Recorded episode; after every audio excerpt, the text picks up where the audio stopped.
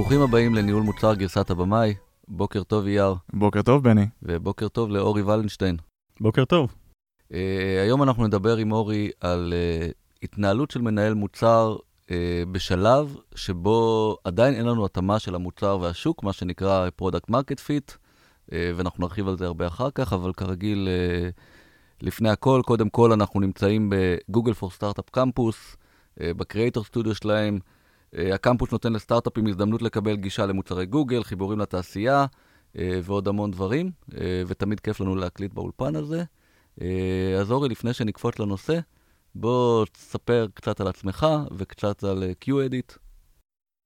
כן, אז שמי אורי ולנשטיין, אני VP product בסטארט-אפ שנקרא קדיט. יש לי ניסיון של מעל 15 שנה, ב- בעיקר בתחום ה-Enterprise Software, uh, הרבה B2B, גם B2B2C. Uh, רוב השנים הייתי ב- בתחום מאוד שונה מפינטק, הייתי ב-Education, וידאו, וידאו streaming, recording, והמעבר היה בשנה האחרונה. Uh, נשוי, אב לשלושה, uh, מוזיקאי בלילות. Product ביום. Product ביום, בטמן בלילה, כן. כן, אז אנחנו, אנחנו לא נעשה פרק על, על, על בלוקצ'יין, אבל, אבל אתה יודע, בכל זאת, לטובת המאזינים, רק שיבינו את הקונטקסט, ספר לנו קצת על uh, קדיט. Uh, כן, אז uh, קדיט היא סטארט-אפ שמפתח uh, פתרון לשמירה על פרטיות על רשתות בלוקצ'יין. Uh, זה בעזרת משהו שנקרא Zero Knowledge Proofs, uh, בעברית זה הוכחה באפס ידיעה. Uh, לא הרבה יודעים את זה, ואפילו אנשים שיש להם ביטקוין או בלוקצ'יין ומתעסקים בזה באתריום וכן הלאה, אין בעצם פרטיות בבלוקצ'יין, וכל טרנזקציה שאתה עושה בביטקוין נגיד או באתריום, כל העולם יודע מה זה. בדיוק יודעים מאיזה כתובת נשלחה לאיזה כתובת, וברגע שאני יודע מי אתה, אני יודע את הכתובת שלך, אני יכול לעקוב אחרי התשלומים. ולכן, חלק מההססנות של ארגונים גדולים, של בנקים, חברות למסחר וכל מיני דברים כאלה, להיכנס לבלוקצ'יין זה בגלל שאין להם פרטיות. וזו ה, הבעיה שאנחנו אה, באים לפתור עם הפתרון שלנו. אז אתם בעצם מספקים אנונימיות? אה, לא, כי דווקא, דווקא אנונימיות יש בקריפטו קרנסיז.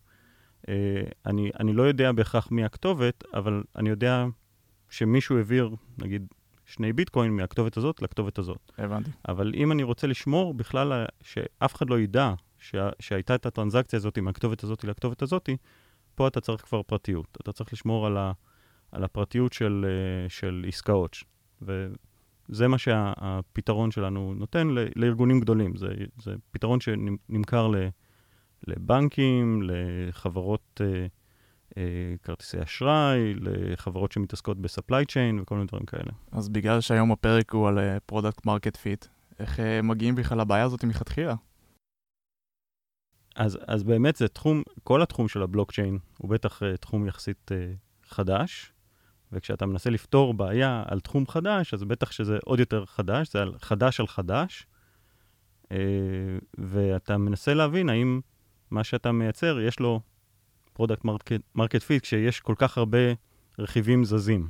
אז, אז כרגיל, בואו ניקח צעד אחורה. לפני, אנחנו הולכים לדבר הרבה על אה, איך, אה, איך אתה מבין שיש product market fit, מה מנהל מוצר צריך להתנהל לפני, אחרי, וכמה זה שונה, אם בכלל. אבל לטובת המאזינים, אה, בואו ננסה להסביר מה זה אומר product market fit. זה מושג מאוד חלקלק, יש המון ויכוח בתעשייה בין אנשים מה זה אומר ואיך מזהים, אז, אז בואו נקדיש את הזמן לזה. אז אני אתחיל במין אה, סיפור אה, לפני זה, שאתם בטח מכירים, המאזינים בטח מכירים את זה גם. יש אה, קרוב משפחה או חבר שבא אליך, פונה אליך ואומר, שמע, יש לי רעיון מדהים לסטארט-אפ, ואז הוא מספר לך את הרעיון, ו... ואתה שומע, ו... והוא מוצא איזה פתרון לאיזה בעיה, אה, והרבה פעמים חושבים שזהו, שכאילו, אם יש לי פתרון, אז, אז זה מספיק. אז עכשיו זה, זה, הנושא, זה הדבר הכי חשוב, הרעיון הזה. וזה בעצם מה שנקרא Problem Solution Fit. מצאתי, זיהיתי בעיה, זיהיתי פתרון, אני חושב שזה מתאים, וזהו. ו- ו- ויש הרבה פעמים הרגשה שזה העבודה הקשה.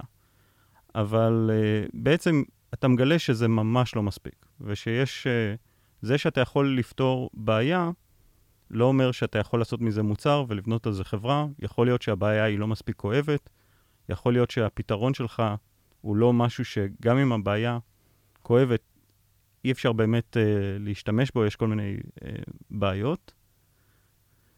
ואתה לפעמים קצת נתקע שם. עכשיו, זה, זה מצחיק שיש אפילו בעיות יומיומיות, שאנחנו נתקלים בהן כל הזמן, ואתה מגלה שעדיין אחרי שנים אף אחד לא פתר את זה, אפילו לא בתוכנה.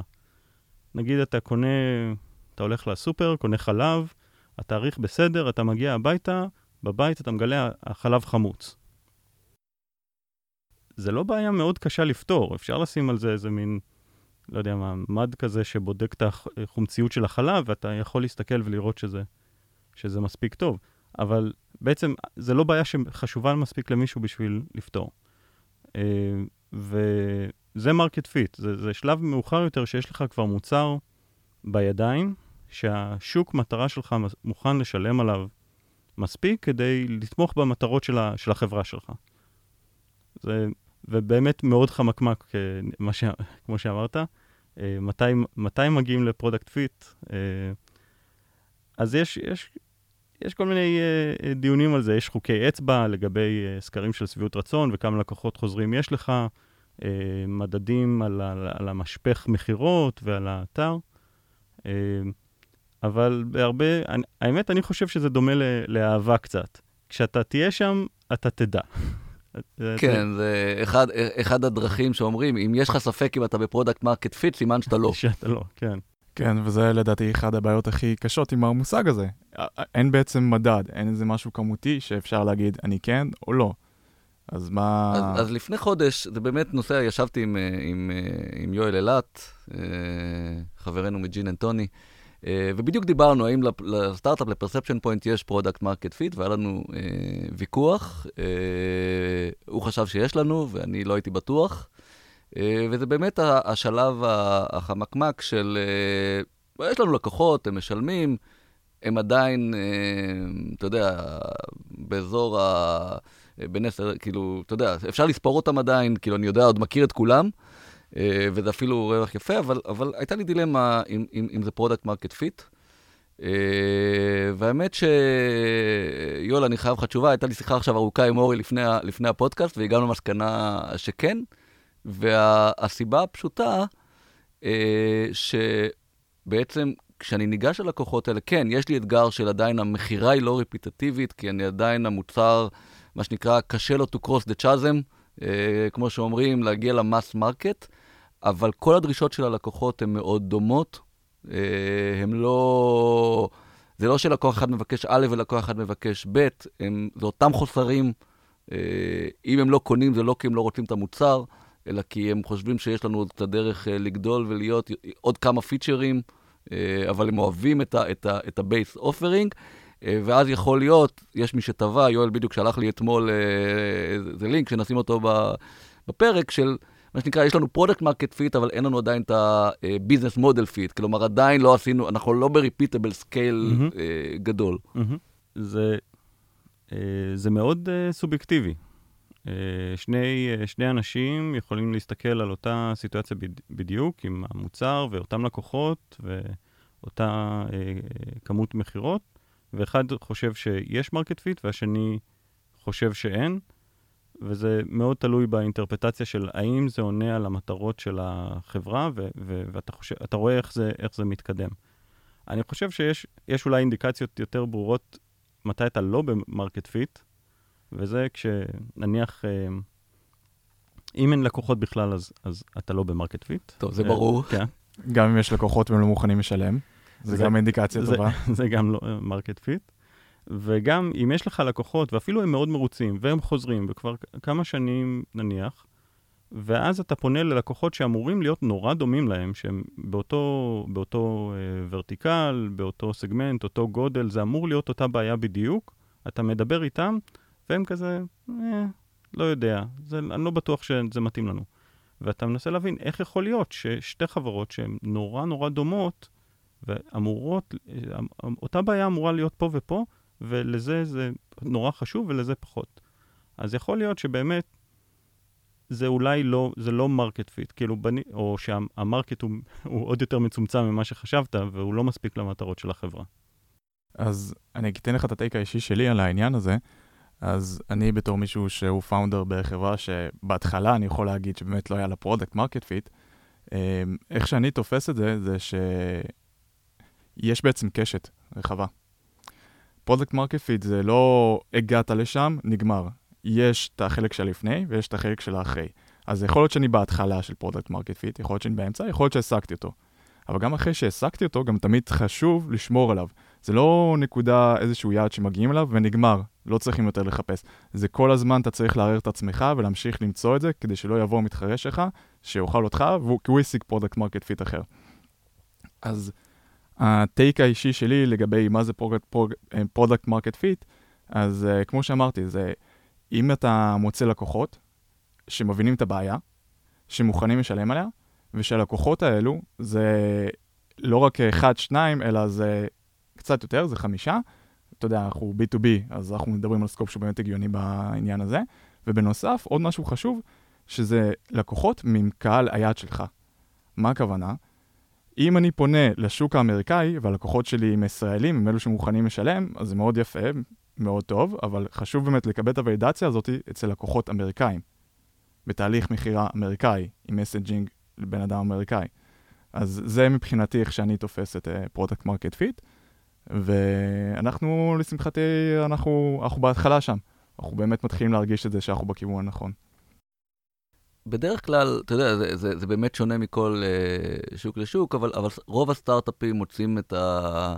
אתה יודע, איפשהו ה product market fit שלהם בדרך לכזה, איפשהו בין uh, 50 אלף ל-100 אלף דולר MRR, אוקיי, זה שונה, תלוי בתעשייה ולאן אתה מכוון, אבל, אבל זה שם מתחיל, uh, uh, אתה יודע, ב-monthly recurring revenue. אה, שמתחיל להיות קצת repeatability, ואז הם מתחילים לעבור ל, ל, בעצם קצת ל growth. לוקח זמן בין, בין זה שאתה עובר ל product market fit ל growth. אבל אחרי שהבנו את, את, את המושג, אז, אז, אז באמת, אה, בואו נדבר על מנהל המוצר. אה, לפעמים זה ה founder, לפעמים זה, זה, זה, זה לא ה founder בשלב הזה כבר. אבל מה שונה, לא משנה כרגע אם זה מי מנהל המוצר, אה, האם יש שוני בכלל אה, בהתנהלות לפני product market fit ואחרי product market fit? כן, אה, אני חושב שיש שוני מאוד גדול. אני חושב שיש שתי בעיות עיקריות קשות, שאתה ניצב בהן כ product manager, ואם אין, זה ה founder, לפני, לפני שאתה מגיע ל market fit. הראשון זה שבאמת אתה עובד עם מעט מאוד מידע. אה, אין לך, יש מעט לקוחות, אז הלק... המידע שיש הוא מאוד מוטה. יכול להיות שזו בעיה שנורא נורא ספציפית רק להם ואין לאף אחד אחר. אה, אם אין לקוחות, אז אתה, אתה, אין לך כמעט מידע. אה, גם מעט מאוד מידע כמותי. אם זה לא מוצר ש, שכבר באיזה קטגוריה established, ש, ש, שיש כבר traffic באופן כללי בא, באינטרנט, אז אפילו, אפילו אנשים לא מחפשים את זה, כי הם לא יודעים שזה קיים עדיין. אז זה נורא נורא קשה לקבל אפילו מידע כמותי על, על, אה, על, על מה שאתה עושה. אז הכל מאוד מוטה, הכל מאוד uh, uh, ספציפי, ואתה מפחד שאתה בונה את, ה, את כל הרודמפ שלך, את כל ההחלטות על, על, על תחושות בטן, ושזה לא, לא דו, צורה בריאה לנהל, לנהל מוצר. והדבר, הבעיה השנייה זה אפילו אם יש לך את המידע, יש, אפילו יש לך כבר פידבק מ, מלקוחות, איכשהו יש, נגיד, מידע כמותי אה, מ Google Ads ו Google Analytics על האתר ודברים כאלה, אתה, אתה רואה כבר את ההתכנסות של ה funnel.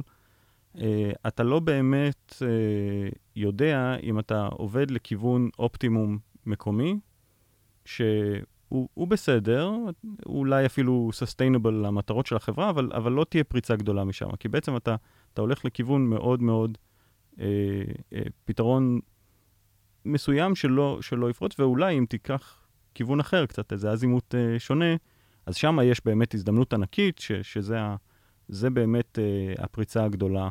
שזה נכון תמיד, תמיד אתה לא יודע אם אתה באופטימום מקומי, ואולי מעבר לפינה יש איזה אופטימום הרבה יותר טוב, אה, שזה מתחבר למה שאמרת, שזה לא אירוע חד פעמי, אה, של יש לי product market fit מעולה, זה, זה תמיד ה... העניין הזה של להגיע לאופטימום טוב יותר. והאופטימום, בפעם הראשונה של, של סטארט-אפ, האופטימום הראשון זה האופטימום שמאפשר לך לשרוד. אם אתה לא תגיע אפילו לאופטימום הראשון הזה, כנראה שלא לא תצליח. אחרי זה אתה ממשיך לחפש את האופטימומים היותר טובים אה, כל הזמן, אבל זה, זה שתי הבעיות העיקריות שאתה בשלב הראשוני של סטארט-אפ. אני חושב באמת, אה, דאטה זה באמת אחת הבעיות. כלומר, אה, אתה יודע, כולנו מקנאים בפייסבוק וגוגל, שכשהם רוצים uh, להריץ איזה A-B test קטן, אז הם לוקחים uh, קבוצה קטנה של users, של איזה 10 מיליון users, זה קטן מבחינתם, אז אתה יודע, והם מקבלים מידע מיד. Uh, אז בסטארט-אפ בהתחלה, כשאתה לפני product market fit, בטח אם אתה ב enter... גם ב consumer, אבל בטח אם אתה ב enterprise, אז מאוד מאוד קשה להוציא data. Uh, והוא מאוד, uh, גם אם יש, אז יש בו המון אאוטליירים, שאתה לא יודע להפריד ביניהם. Uh, וזה מבקר, דורש ממנהל המוצר בעצם להסתמך, אתה יודע, בדרך כלל כשאומרים, יש לך data, אתה לוקח uh, שילוב בין uh, quantitative approach ל-qualitative approach, ובשלב של ה product market fit זה המון איכותי. כלומר, אתה צריך בעצם לקחת מה שנקרא leap of faith גדול על המעט data שיש לך, לעבוד עם המון המון אינטואיציה, ואתה כל הזמן תחת הנחות, אה, שמאוד מאוד קשה לך לעשות ולידציה. אתה, אתה רואה, כלומר, אתה, יש לך את היתרון שאתה, עם אותם לקוחות, יש לך קשר מאוד, אה, אה, הרבה פעמים מאוד חברי, אתה יכול לקבל מידע איכותי גבוה מאוד, אבל עדיין מידע איכותי ולא כמותי, ואתה יודע, אה, הרבה אינטואיציה, ש, שאולי נכונה ואולי לא. כן. ב-Enterprise Solutions בעיקר, uh, בניגוד uh, ב-B2C, או, או, או גם דברים שהם סאסים, שגם לביזנסים uh, יותר קל לקנות, זה כמות הלקוחות, בכלל הטארגט הראשוני שלך הוא, הוא מאוד מצומצם. כלומר, נניח בתקופה ש, שהייתי ב-Education, אז השוק הכי גדול זה הברית, זה בסביבות 5,000 אוניברסיטאות. 5,000. עכשיו, ב-B2C זה מספר זניח לחלוטין. מה זה? אתה לא יכול לבסס דברים על, על 5,000 איש, אה, ואתה לא יכול לבנות חברה על 5,000, אבל פה זה, זה הכמות. זה... עכשיו, אם אתה מנסה לשווק מוצר חדש, שכל השוק שלך כרגע הוא 5,000 אוניברסיטאות, אז, אז יש מעט מאוד מידע כמותי. הם, הם כנראה לא מחפשים פתרונות שהם עדיין לא יודעים שבכלל קיימים, זה כולו 15, 5,000 איש. הרבה מהם כנראה בכלל לא ב... לא ה-leaders, אז, אז אתה אומר, אוקיי, בוא נוריד, ניקח את ה-10%, 15%, שהם ה-early adopters, ה-visionaries, אז רק הם אולי מחפשים את הדבר הזה. זה, ונורא נורא קשה להבין משהו מ, על סמך זה. יכול להיות לך יום בלי כלום, ואז פתאום יש איזה פיק של עשרה אה, סרצ'ים או משהו, אז מה זה אומר? אז, אז זהו, אז מצאת את זה, כי יש עשרה סרצ'ים היום. זה, זה מספרים נורא קטנים ש, שקל... אה, קשה, קשה להתבסס עליהם, אז גם כשיש מידע כמותי, הוא לא באמת אה, עוזר לך לבסס את, ה, את המידע האיכותי ש, שהזכרת שאתה יכול לאסוף. הרבה פעמים זה גם גרפים, אה, אם אתה מדבר נגיד או על אדופשן או על איזשהו מטריקה שאתה מודד במוצר, היא במקום אה, להיות באיזשהו כיוון, עלייה, גם אם עולים הלקוחות, היא יכולה להיות מאוד מתנדנדת, כי היא תלויה לא רק באדופשן של הלקוחות, אלא גם בש... עדיין תלויה מאוד ב... אה, שיפור של המוצר או בתיקונים, ואז היא יכולה פתאום אה, לרדת רק כי אה, גילית איך מסתכלים על הבעיה יותר טוב. כן, אז כאילו, מה שנקרא, היית קודם עיוור, זה עלה יפה, פתאום חסר, נגיד במקרה שלנו, אה, אנחנו עושים detection, אה, אז אם אני לוקח מטריקה כמו אה, false positive, אז היא יופי עולה, משתפר, הלקוחות מרוצים, ואז פתאום אני מגלה איזה בעיה שלא ראיתי, כן? כי המוצר עוד בהתהוות, אז פתאום הכל יורד, כן? אז, אז זה, זה, זאת שלב שמאוד קשה לבנות גרפים שאפשר להסתכל עליהם ולהגיד, יש פה מגמה. האם אתה הצטרפת לחברה לפני שהיה את הלקוח הראשון? לפני שהיה מוצר? באיזה שלב בעצם? אה, היו, היו, כבר, אה, היו כבר לקוחות, אה, היה מוצר. לקוחות משלמים? כן. היה, היה מוצר, ואני חושב שהרגשתי מההתחלה שאולי זה לא המוצר הנכון. או, מעניין. למה זה? כי אה, אני חושב, בשבילי זו הייתה אינדיקציה של אותו מסר ש, שהיה לנו את הלקוחות שהם היו מרוצים מהמוצר, אה, לקוחות אחרים שאמורים להיות באותה קטגוריה, אותו גודל, אותם בעיות וזה, בשבילם זה היה nice to have. וזה לא, לא התקדם. אה, ו, ואז אתה, אתה אומר, אולי זה מין בעיה שכרגע פות, פותרת, אה, אה, לא יודע, יש את הוויז'נריז שעבורם הם רואים איך זה פורץ דרך ונהדר, אבל אנחנו לא מצליחים, יהיה, יהיה הרבה יותר קשה להביא, להביא את זה ל... ל, ל early adopters, ש, שקצת ייתנו לנו יותר uh, uh, uh, revenue וקצת יותר uh, volume של, של uh, לקוחות ושימוש. וזה לא, ש, לא שאני כבר uh, התוויתי את, ה, את הכיוון, אבל כבר, כבר בפנים היה דיבורים על, על כיוון שהוא טיפה שונה, שימוש של אותה טכנולוגיה, uh, אפילו בשביל לפתור את אותה בעיה, פרטיות על, על בלוקצ'יין, אבל בעיה אחרת של פרטיות על בלוקצ'יין. ושם uh, היה, היה נראה ש, ששם זה הבעיה הרבה יותר אימידיאט. יש, יהיו לקוחות שיהיו מוכנים לשלם על זה עכשיו. זה לא איזה מין רעיון נחמד, זה, הם באמת נתקלו בבעיה, הם תקועים קצת, יש להם, ויש איזה לחץ, הם שמו נגיד כבר תקציב על איזה פרויקט, והפרויקט פתאום תקוע. אה, ואם נפתור להם את זה, אז, אז, אז יהיה יותר קל להתקדם במכירות. אז בעצם, אה, היה לכם סוג של ולידציה שהבעיה שאתם פותרים, זה בעיה שמוכנים גם לשלם עליה, בפתרון החדש, לפי מה שאני מבין. ואז אתם בעצם לוקחים את אותו leap of faith, ואתם אה, הולכים ועושים סוג של מיני פיבוט. כן, אני, אני לא יודע אם הייתי קורא לזה פיבוט, כי זה, זה בעצם, זה שימוש באמת מיני. שלו. מיני. מיני מיני, כן, מיקרו, לא יודע. אה, ננו, ננו פיבוט. אה, זה, זה להתמקד על, על, בעיה, על בעיה אחרת. אה, אם, ב, ב, קצת בקווים כלליים, יש בבלוקצ'יין, אה, רוב האנשים מכירים את הקריפטו קרנסי, את, את ביטקוין וכן הלאה. בביטקוין אתה בעצם מעביר נכס מ, אה, מבן אדם אחד לבן אדם אחר, ויש גם אה, אה, עסקים שהסתכלו על, הבלוקצ'יין ואומרים, אנחנו גם יכולים להעביר שם מידע. אנחנו יכולים אה, להעביר מידע. אז נגיד אה, JP מורגן, הבנק הכי גדול בעולם, אה, יצר איזה רשת בלוקצ'יין שנקראת אה, IIN, אה, בואו נראה אם אני זוכר את זה, Intrabank Information Network נדמה לי, שבא להעביר מידע בין בנקים. אז, אז המידע הזה, הרבה פעמים, בגלל שאתה חולק מידע בין, בין ארגונים, הוא מאוד מאוד רגיש. ובהתחלה היה פתרון שמתמקד על בואו נפ... בוא נאפשר את השמירה על פרטיות כשאתה מעביר מידע. ועכשיו אנחנו הרבה יותר מפוקסים על בואו נשמור את הפרטיות של העסקאות של העברת נכסים. שזה נראה שזו הבעיה המיידית אה, והיותר כואבת, שארגונים שרוצים להשתמש בבלוקצ'יין, הם נתקלים בה, הם נתקלים בה אה, קודם, והם רוצים לפתור את זה. אוקיי, אוקיי, אז מה האתגר שלך בתור מנהל מוצר בתוך סביבה כזאת של pre product market fit?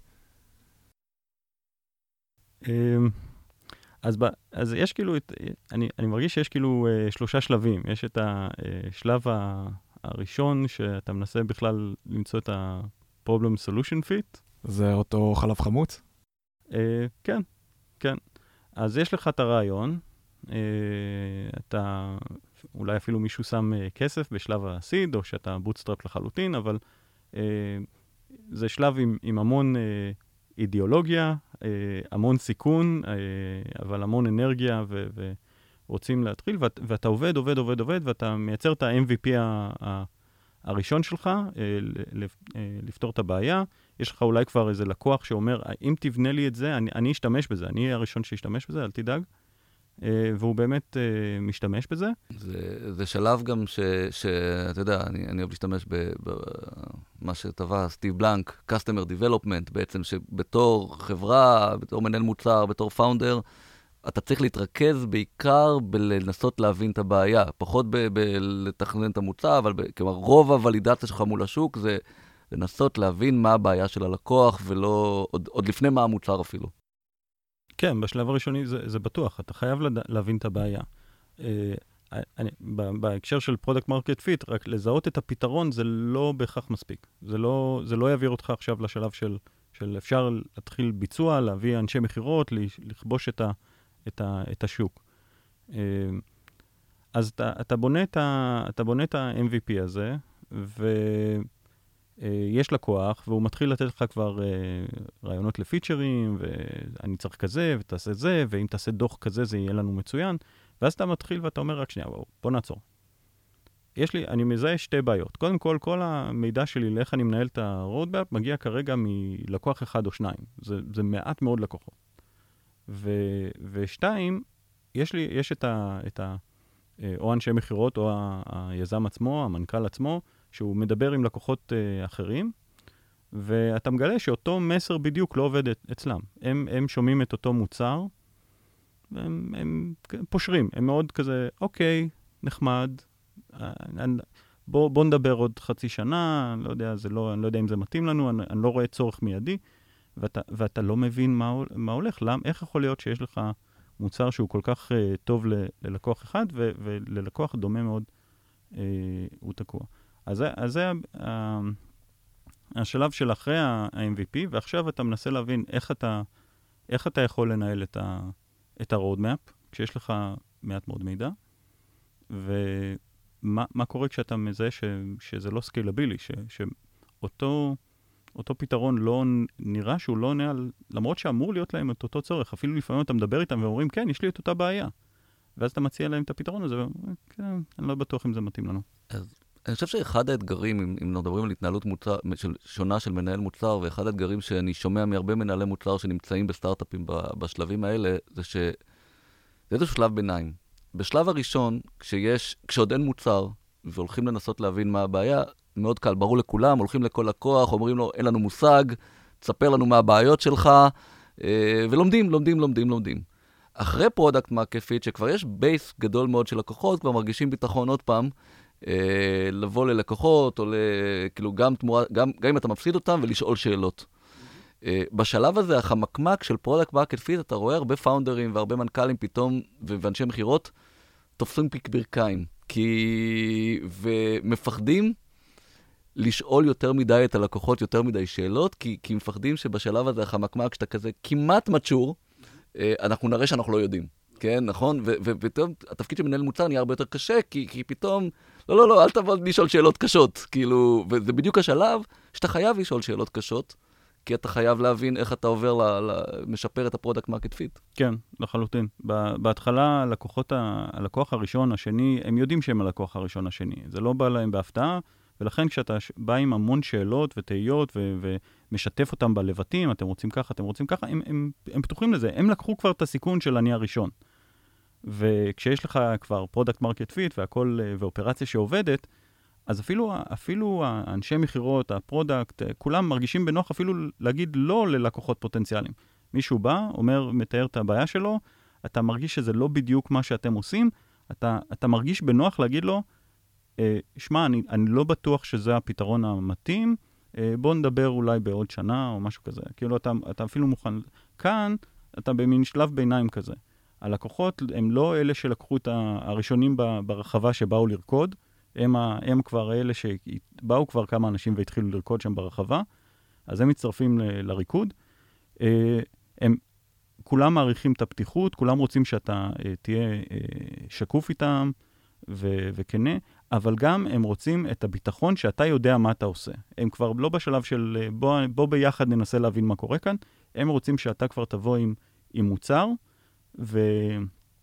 ועם יותר ניסיון, עם יותר ביטחון של אני, אני יודע איך לפתור את הבעיה הזאת. אז זה מאוד, אה, כן, זה מאוד קשה שאתה אפילו לא יכול כל כך להתייעץ או לדבר, שזה משהו ש, שבשלבים האחרים, זה היום-יום של, של ה product manager, הוא, הוא נפגש עם לקוחות, מראה להם, אה, מראה להם כל מיני אה, prototypeים שהוא עובד עליהם, ומבקש מהם, בוא תנסה את זה ותגיד לי מה אתה חושב, ו, ו, ו, אתה הרבה יותר אה, פתוח אה, לגבי זה, והלקוח גם מעריך את זה, כי הוא, הוא, הוא מבין שהיום כבר יש פתרון ממש טוב, ואתה מדבר איתו על העתיד, לא על ה... לא על ה-value proposition הנוכחי שלך, אלא איך אפשר להרחיב את זה. אז הוא, אז הוא שמח ל, לדבר איתך. אבל כשאתה מנסה להוכיח את ה-value uh, proposition הראשוני שלך, זה, זה קשה יותר. יש גם את העניין של roadmap, שאני מתכנן אותו, הוא מסתכל לטווח ארוך. כשאני לפני product market fit, זה קצת מצחיק לתכנן טווח ארוך איך אני כמו שאתה אומר במצב שאתה היית, שאתה מרגיש שזה לא בדיוק שם. עכשיו מה, אני מתכנן עכשיו roadmap על איך אני מגיע ללא בדיוק שם, אז מה, מה בעצם עושים בשלב הזה? עכשיו, לי היה קצת הוויכוח הזה גם עם בני. האם זה הנקודה שבו אתה עובד כמו סטארט-אפ ואתה חי משבוע לשבוע, בלי roadmap, או שאתה, למרות שאין לך מושג מה אתה עושה, אתה עדיין מתכנן קדימה. אה, אני חושב שאחד, אתה מתכנן קדימה, גם אם זה משתנה, עוד פעם, ב-level מאוד גבוה. חוץ מזה, בשלבים מאוד מאוד מוקדמים, זה לפעמים אפילו roadmap של experiments. אה, אוקיי, בסדר, יכול להיות שאין לך... אה, בסוף אתה, בתור סטארט-אפ, תמיד תמיד עובד עם הנחות, אוקיי? סביב ההנחות האלה אתה יכול לבנות roadmap, מאוד אולי vague, אבל מה שאתה רוצה זה להבין איזה הנחות הכי מסוכנות, איזה הנחות יכולות להתפוצץ הכי הרבה, ולתכנן אה, סוגים של ניסויים כדי אה, לוודא אותם, ואם הם, אם, אם תצליח לאשש אותם, אז סבבה, אישרת חלק מה roadmap, ואם, ואם הם יופרכו, גם טוב. אז, אז עכשיו, לך תבנה את ה roadmap עוד פעם. יכול להיות שזה דורש הרבה הרבה יותר עדכונים של ה roadmap סביב תיקוני הנחות, אבל אתה חי... כאילו... בעיניי אתה חייב לפחות לנסות להבין לאן אתה רוצה לקחת, כי אחד התכונות, בעיניי אחת התכונות הכי חשובות למנהל מוצר בשלב הזה, לא משנה לך, זה מנהל מוצר או founder, זה מהירות מחשבה. כלומר, אתה יושב, תחת, אתה צריך מאוד מאוד להבין לאן המוצר, אתה רוצה לקחת אותו, אתה צריך להבין מאוד טוב את המוצר, וכשיש לך כזה לקוח שיושב על ה-edge, ואתה בדיוק מנסה להבין אותו, והוא בא לך עם איזה בעיה, אתה צריך להיות מסוגל די בזמן אמת לדמיין האם אתה יכול לפתור את הבעיה, האם היא מתחברת לאן שאתה רוצה לקחת את המוצר, ואולי, אתה יודע, אפילו בפגישה כבר להציע לו פתרון, אוקיי? או להגיד, זה לא מתאים, וזה, וזה זה לא... בגלל שהוא, אתה יודע, אתה מנסה גם לזכות בו, זה לא תמיד שלבים שאתה יכול להגיד, כן, כן, תן לי לחשוב, אני אחזור אליך עוד שבועיים, אה, נראה אם בכלל מתאים לנו, כי הוא כבר התקרר לגמרי. אז, אז אתה חייב להיות מחובר, אם, אם אין לך...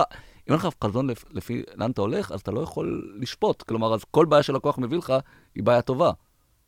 אתה מבין? אני מסכים, אני אגיד לך מה הבעיה שלי עם זה, זה שיש עלות בלתכנן product roadmap לשנה, שאתה, וכל פעם לעשות את זה מחדש, שבוע אחרי שבוע. זה, זה הבעיה שלי עם מה שאתה אומר. אני בגדול מסכים, זה, זה הטענת נגד שלי. אז אה, אחת הדרכים שהתמודדתי עם, עם אותה בעיה בדיוק, שאתה לא יודע אה, לעשות את הפיצ'ר הזה קודם, זה אחר כך, אתה, זה, כל כך, זה כל כך תלוש, אתה מרגיש כזה, זה לא מבוסס על כלום. אה, אז לנסות לה, קודם לקבע מה שאני מרגיש מאוד מאוד בסדר איתו, ואז להתחיל לעבוד משם. אז אחד הדברים שהיה מאוד קל לקבע מההתחלה זה ה product vision. הייתה, אולי זה במקרה, אבל היה מאוד, הייתה הסכמה אצל כולם, זה מה שאנחנו רוצים להיות עוד חמש שנים או עוד עשר שנים, וזה המצפן שלנו. מעולה. אז קודם כל אני יודע איזה, איפה זה צפון, מעולה.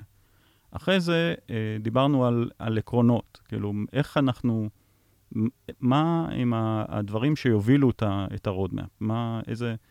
אה, ואם יש, גם על העקרונות הגענו להסכמה. אז עכשיו אתה יכול לזהות מאוד בקלות איזה פיצ'ר שהוא מחוץ לעקרונות האלה, הוא מחוץ לקווים המנחים, שאתה לא מבין למה, למה הוא שם. אז, אתה, אז כשזה קורה, אתה שואל את עצמך האם זה העקרונות לא בסדר או זה, אבל זה לפחות נותן לך איזו אינדיקציה של, של כיוון.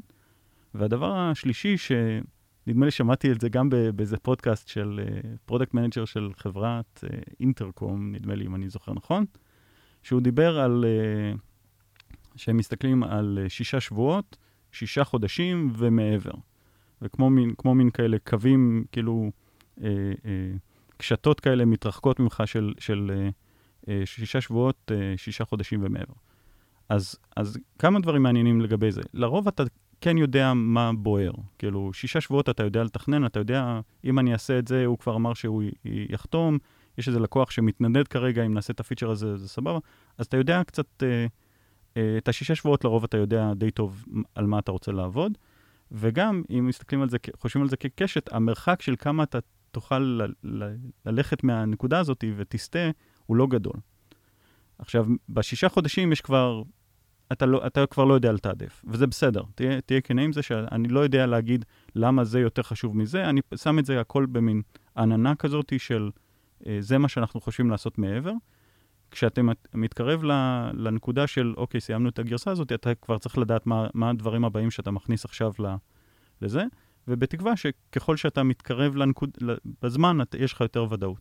ומעבר מעבר לשישה חודשים, זה מאוד מאוד קשה. זה, זה כבר, זה באמת אה, עננה מאוד אה, כללית כזאת, אבל זה בסדר, אם אתה כנראה, אה, עם, גם, אינט, בעיקר אינטרנלי, כאילו אליימנט אה, עם, עם כל האנשים לגבי זה של... אה, אה, בדיוק מה שאנחנו מדברים עליהם, אתה מסביר את הבעיות, אתה מסביר למה אתה לא יכול בצורה נורא יפה כזאת לשים לך roadmap שאומר, הפיצ'ר הזה יצא בינואר 2020. כאילו, אתה, אתה מסביר למה זה נורא מלאכותי ומאוד מאוד נתון לשינויים. אתה מגיע גם לשלב הזה, שיש לך את ה-roadmap היפה הזה, כי אנשים רוצים להרגיש שהם יודעים מתי, מתי זה, אבל אתה יוצר alignment שזה מאוד מאוד נתון לשינוי. יש לי את ההתחייבויות של, ש, שלי ושל הפיתוח ל, ל, לשישה שבועות, או לגרסה הבאה, זה סגור, זה אנחנו מתחייבים. מעבר זה כל הזמן נתון ל, ל, אה, למשא ומתן ו, ואינפוטים חדשים ש, שיגיעו מלקוחות או, או מתוך החברה. אז לא נמשיך אולי לפתח יותר מדי את הנושא הזה, היה לנו פרק שלם על roadmap, אה, ולמה roadmap לא צריך להיות בכלל התחייבות, ולמה אסור שיהיה בו פיצ'רים, אז אתם מוזמנים לחזור לפרק 8 אה, למי שלא הקשיב, וזה מאוד מתחבר לפה. אני כן אגיד שעוד פעם, אם נזכיר מה שהיה בפרק ההוא, roadmap זה כלי, אוקיי? זה כלי למנהל המוצר לקבל החלטות, במיוחד בשלב הזה, ולכן, לפחות ב-level גבוה, אם אתה בונה אותו, זה לא צריך להיות מדויק, זה לא צריך... אז, אז אם אתה בונה אותו כמו שצריך, ויש לך את הנושאים שאולי תטפל בהם בעוד חצי שנה או בעוד שנה, זה מאוד מאפשר לך, במיוחד בשלב הזה, לקבל החלטות מהירות. כלומר, אה, אני אתן דוגמה, בסדר? עוד פעם, אנחנו אה, לפני שנה לקחנו החלטה כמוצר סייבר שאנחנו לא מאפשרים ללקוחות לעשות כמעט פרסונליזציה לשירות. אנחנו מתמקדים ב detection, שלב חדירה לשוק, אנחנו זה managed service. היה לנו ברור שמתישהו נגיע לשלב הזה שחייבים להתחיל לשחרר להם, אוקיי? אה, והוויכוח רק על השלב. ברגע שאני יכולתי לעשות את הדיון הזה בתוכו, לשים את זה ב roadmap, לא משנה, ב-Q3-4 של השנה, ברגע שפתאום התחלנו לקבל traction, וראינו שהם הרבה הרבה יותר לחוצים על זה, ההחלטה לקדם את זה ולהזיז דברים אחרים הייתה מאוד קלה. לא היה צריך דיון מעמיק של עכשיו, בואו אנחנו משנים את האסטרטגיה שלנו, משנים את זה, זה, היה, זה היה לכולם ברור, זה רק קידום ה roadmap. אם לא היינו עושים את הדיון הזה, אז עכשיו היינו צריכים לעצור ולעשות דיון, רגע, לאן הם לוקחים אותנו, מה קורה, אתה מבין? אז, אז הבנייה של roadmap בהבנה איך המוצר הולך להשתנות, ניתוח כזה, שנכון שהוא עולה זמן, היא מאוד חשובה כדי להיות מסוגל בזמן אמת להגיב מהר. בוא ניקח אבל עוד צעד אחד אחורה. איך אני יודע איזה דברים צריכים להיכנס לתוך ה roadmap שלי? הרי ה scope של לקוחות הוא כל כך מצומצם, יש לי איזה design partner שאולי יש פה איזה הטיות שאני שואב ממנו, ועוד איזה לקוח חצי פוטנציאלי. מה, על זה אני עכשיו בונה שנה קדימה, חברה שלמה? אני מקווה שיש לך חזון, אתה יודע, ויש לך איזשהו כיוון. אז אני חושב שלא חסרים רעיונות לפיצ'רים ודברים, כאילו גם פנימית, גם חיצונית, כולם באים לך עם, עם רעיונות, אתה מתחיל לשים את זה, אבל אין לך שום מושג איך אתה מתעדף משהו. Uh, היתרון בלהתחיל לשים את זה כן על, על, על roadmap זה שאתה יכול להתחיל לאט לאט עם הזמן לתייג את זה. זה נותן לך פשוט את הפרקטיקה של איך אתה מתחיל uh, לשים לב מה יותר חשוב ומה פחות חשוב. אז יש את הפיצ'ר הזה, הוא רשום שמה, ואז אתה שם לב שיש לקוח אחד שדיבר על משהו שבעצם נראה לך ש, שהפיצ'ר הזה פותר, ויש עוד אחד שפותר, ויש איזה לקוח פוטנציאלי, והיה איזה פגישה בכנס שהם חזרו, אנשי מכירות חזרו אליך ואמרו, תקשיבו, כל הז... הוא לא הפסיק לדבר על כך וכך וכך וכך, ו... ואז אתה, אתה, זה נותן לך את הפרקטיקה של, עכשיו אני שם לב שאני צריך לקדם את זה. אם, אם לא היה את, ה... אם לא היה את, ה-roadmap, ורק היה רעיונות, רעיונות של פיצ'רים, אז, אז היה הרבה יותר קשה לשים לב לכל ה... ו, ולאגור את, ה, את הפידבקים האלה כדי להתחיל אה, לתת מגמות. ואז, בתקווה שכל התיוגים האלה לאורך הזמן והדברים האלה, אתה מתחיל להזיז את זה קדימה ואחורה על, ה, על ה-roadmap, וכשאתה כבר מתחייב לגרסה, אתה, אתה בלב שלם שזה הדברים הכי חשובים שיש כרגע, שצריך לעבוד עליהם. אה, כי, כי כבר תייגת את, ה, את הפיצ'רים האלה, ו, ויש לך כבר כמה חודשים של, של uh, פידבק על, על הדברים האלה, אז אתה, אתה מרגיש שלם לחלוטין שזה עכשיו הדבר הכי חשוב. מה שקורה מעבר, כאילו, עוד שנה זה עדיין נורא מפחיד, אבל מה שבמיידי אתה, אתה יודע בוודאות. אז דיברנו על אה, דאטה, דיברנו על, roadmap וכמה קושי. בואו ננסה אולי גם לדבר קצת יותר על הצד האנושי, אנחנו מאוד אוהבים פה בפודקאסט תמיד לגעת בצד האנושי. איזה תכונות אה, בעיניך, אה, מנהל מוצר בשלב שלפני product market fit צריך, שהן שונות מאולי מנהל מוצר אה, של אחרי פרודקט מרקט פיט? אז, אה, אז בהרבה, בהרבה חברות באמת, אה, לפני product market fit זה, בעצם, זה, זה המייסדים. אז הם, זה אותם אנשים שהם גם מנהלים את המוצר וכן הלאה. אבל אם, אם יש מישהו... אה, איש או אשת מוצר ש, שמנהלים את זה בנפרד. אה, בשלב של product market fit יש הרבה, אתה צריך להיות אה, מוכן ו, ויכול להשתתף הרבה יותר ב pre-sale. הרבה הרבה הרבה יותר ב pre-sale. כי, אתה, כי בעצם ה, הלקוחות הפוטנציאליים הם חלק מה... להיפגש איתם, הם חלק מהדרך להבין את ה... את ה-roadmap, הם נותנים המון פידבקים, ואתה בדיוק יכול לשים לב ולזהות אם אתה ב... עובד לאיזה אופטימום מקומי או משהו אחר. יכול, אני מרגיש שכשיש לך כבר את ה product market fit, אתה הרבה יותר ב post-sale. מביאים אותך אולי לפעמים לאיזה pre-sale כדי ש... אולי בשביל הוואסאח, אולי בשביל לענות על שאלות שהן נורא שונות ממה שהם ראו אי פעם, האנשי מכירות, אבל, אה, אבל רוב העבודה שלך היא, היא post-sale אה, עם לקוחות קיימים, ונראה לי שבשלב לפני זה אתה, אתה הרבה יותר אה, צריך להיות בתהליך המכירה. אתה צריך להיות, אתה צריך להיות בכנסים, אתה צריך להיפגש עם, עם, עם לקוחות פוטנציאליים, עם brainstorming, על, לא יודע מה, meetupים וכל מיני דברים כאלה, כאילו לשמוע ולספוג מה, מה שאנשים אומרים עוד לפני שהם לקוחות. אני גם חושב שבנקודה הזאת זה מאוד חשוב, כי בדרך כלל באים לקוחות בשלב ה presale, ומדברים איתך, אתה מדבר איתם על הבעיה, הם ישר באים ואומרים לך את ה featureים שצריך mm-hmm. להיות במוצר שלך. ואז אם אתה בא עם ה... בתור ניסיון שלך, בתור מנהל מוצר ועם ה title שלך, אתה גם יש לך את הפריבילגיה וגם את האישור uh, מהארגון לשאול את השאלות של הלמה. למה אתה צריך את ה feature הזה? איזה בעיה זה אמור לפתור לך? כדי באמת לזקק, כולנו מכירים את ההטייה הזאת. הלקוח לא באמת uh, יודע מה, הוא מדמיין איזשהו feature, הוא לא, הוא לא מתאר את הבעיה. כי צריכים לזקק את הבעיה האמיתית. וזה דבר שמנהל מוצר צריך לעשות בשלב של pre-sale, בנקודה הזאת שאתה מתאר. ממש לשבת עם הלקוחות האלו ולהבין בדיוק מה, מה הם מנסים לפתור, כדי שאחר כך שאתה עושה את ה roadmap שלך, אז תדבר בבעיות, ולא תדבר ב featureים שלקוחות אה, ביקשו. אני חושב שגם הייתי מוסיף אחת התכונות, לא רק למנהלי מוצר, אה, בכלל לכל מי שעובד בסטארט-אפ, כן? אבל זה באמת, אה, בשלב הזה, זה היכולת התמודדות עם אי-ודאות. אתה יודע, דיברנו כמה שקשה לעשות roadmap, אז כאילו, אתה מאוד באי-ודאות, אתה צריך להיות מסוגל אה, להכיל, להגיד איזה כיף.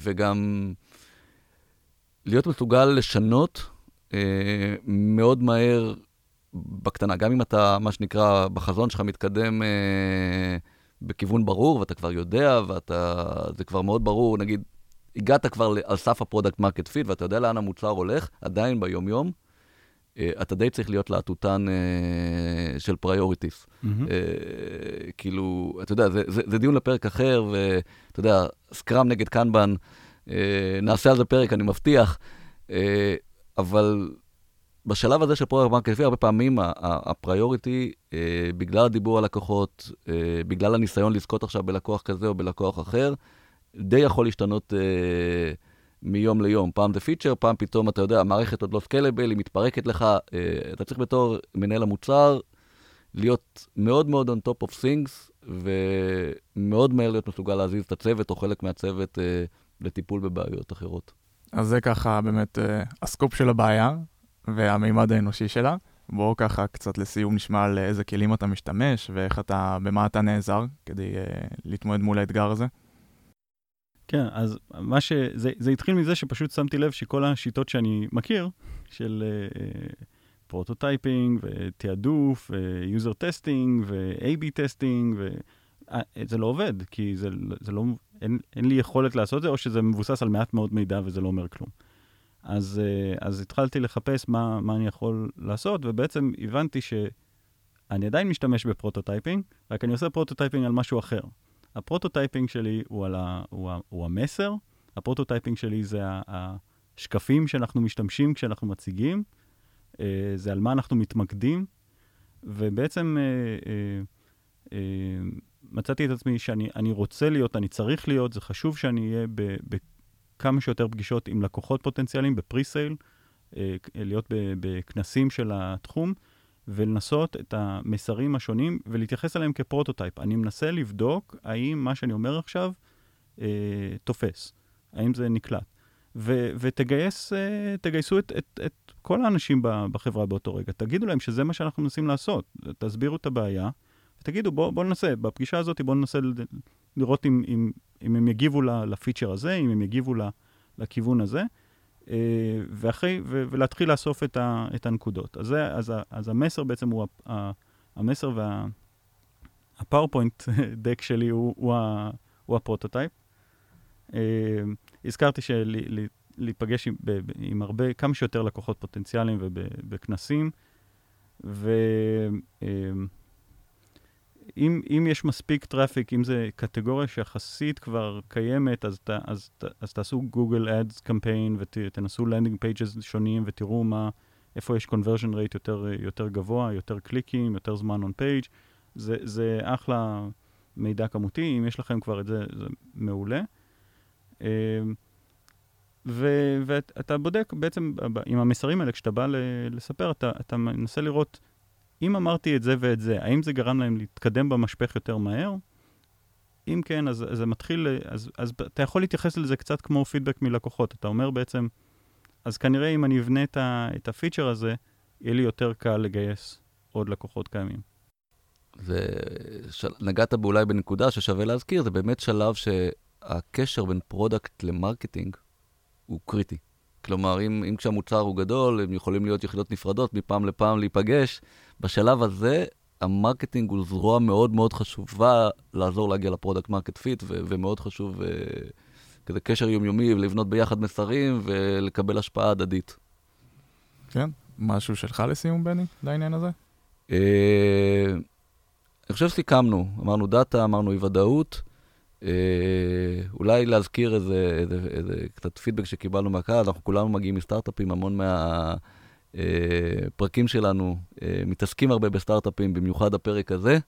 אה, אז אנחנו מבטיחים גם בקרוב אה, פרק של התמודדות של מנהל מוצר בחברה גדולה, זה כבר מגיע. אה, מנסים לגעת, אה, קשה לגעת בכל הנושאים בכל, באותו פרק. ותוכל לספר למאזינים איפה אפשר למצוא אותנו? אז אנחנו נמצאים בפייסבוק, אה, בכל אפליקציות הפודקאסטים השונות. אה, תהיו חברים, תשתפו, דרגו, אל תהיו רעים. חברים וחברות. כן, אה, אנחנו מאוד גאים אה, גם, ב, גם באורחים שלנו שמייצגים את כל קשת מנהלי המוצר ומנהלות המוצר, גם במאזינים. אה, וזהו, אה, נתראה בפרק הבא. אז אורי, תודה רבה לך. תודה רבה.